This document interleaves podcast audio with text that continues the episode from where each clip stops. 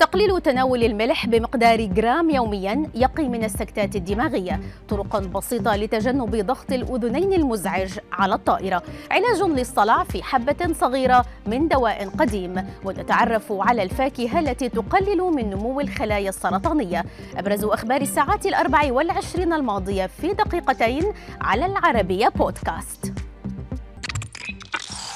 توصي منظمة الصحة العالمية بتناول خمسة جرامات فقط من الملح يوميا وهو معدل يتخطاه الملايين سنويا حول العالم.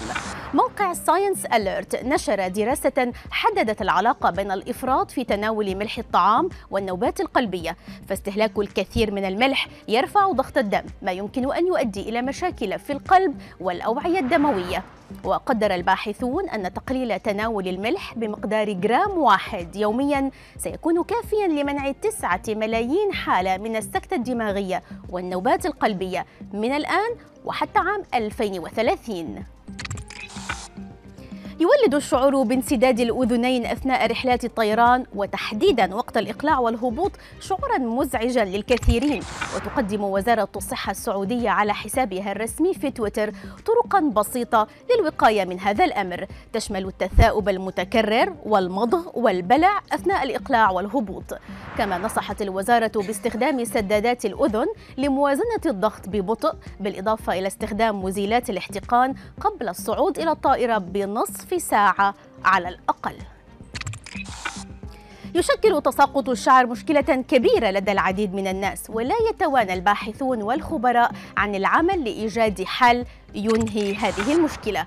وفي جديد الأبحاث تبين أن دواء المينوكسيديل يعد أكثر الأدوية شيوعا في معالجة مشكلة التساقط والشعر الخفيف وله شكل آخر أكثر فعالية.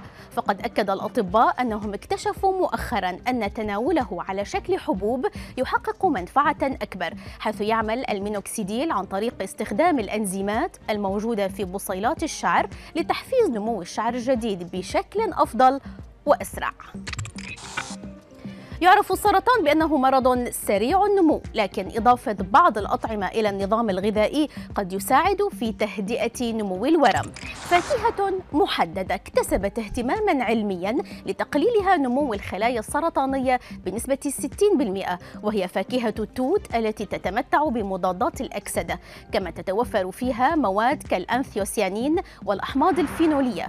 وتعرف مادة الأنثوسيانين التي تعطي التوت لونه الأحمر المميز بأنها توفر الحماية من أمراض السرطان خاصة سرطان القولون والثدي وفق إحدى الدراسات التي نشرتها مجلة التغذية والسرطان.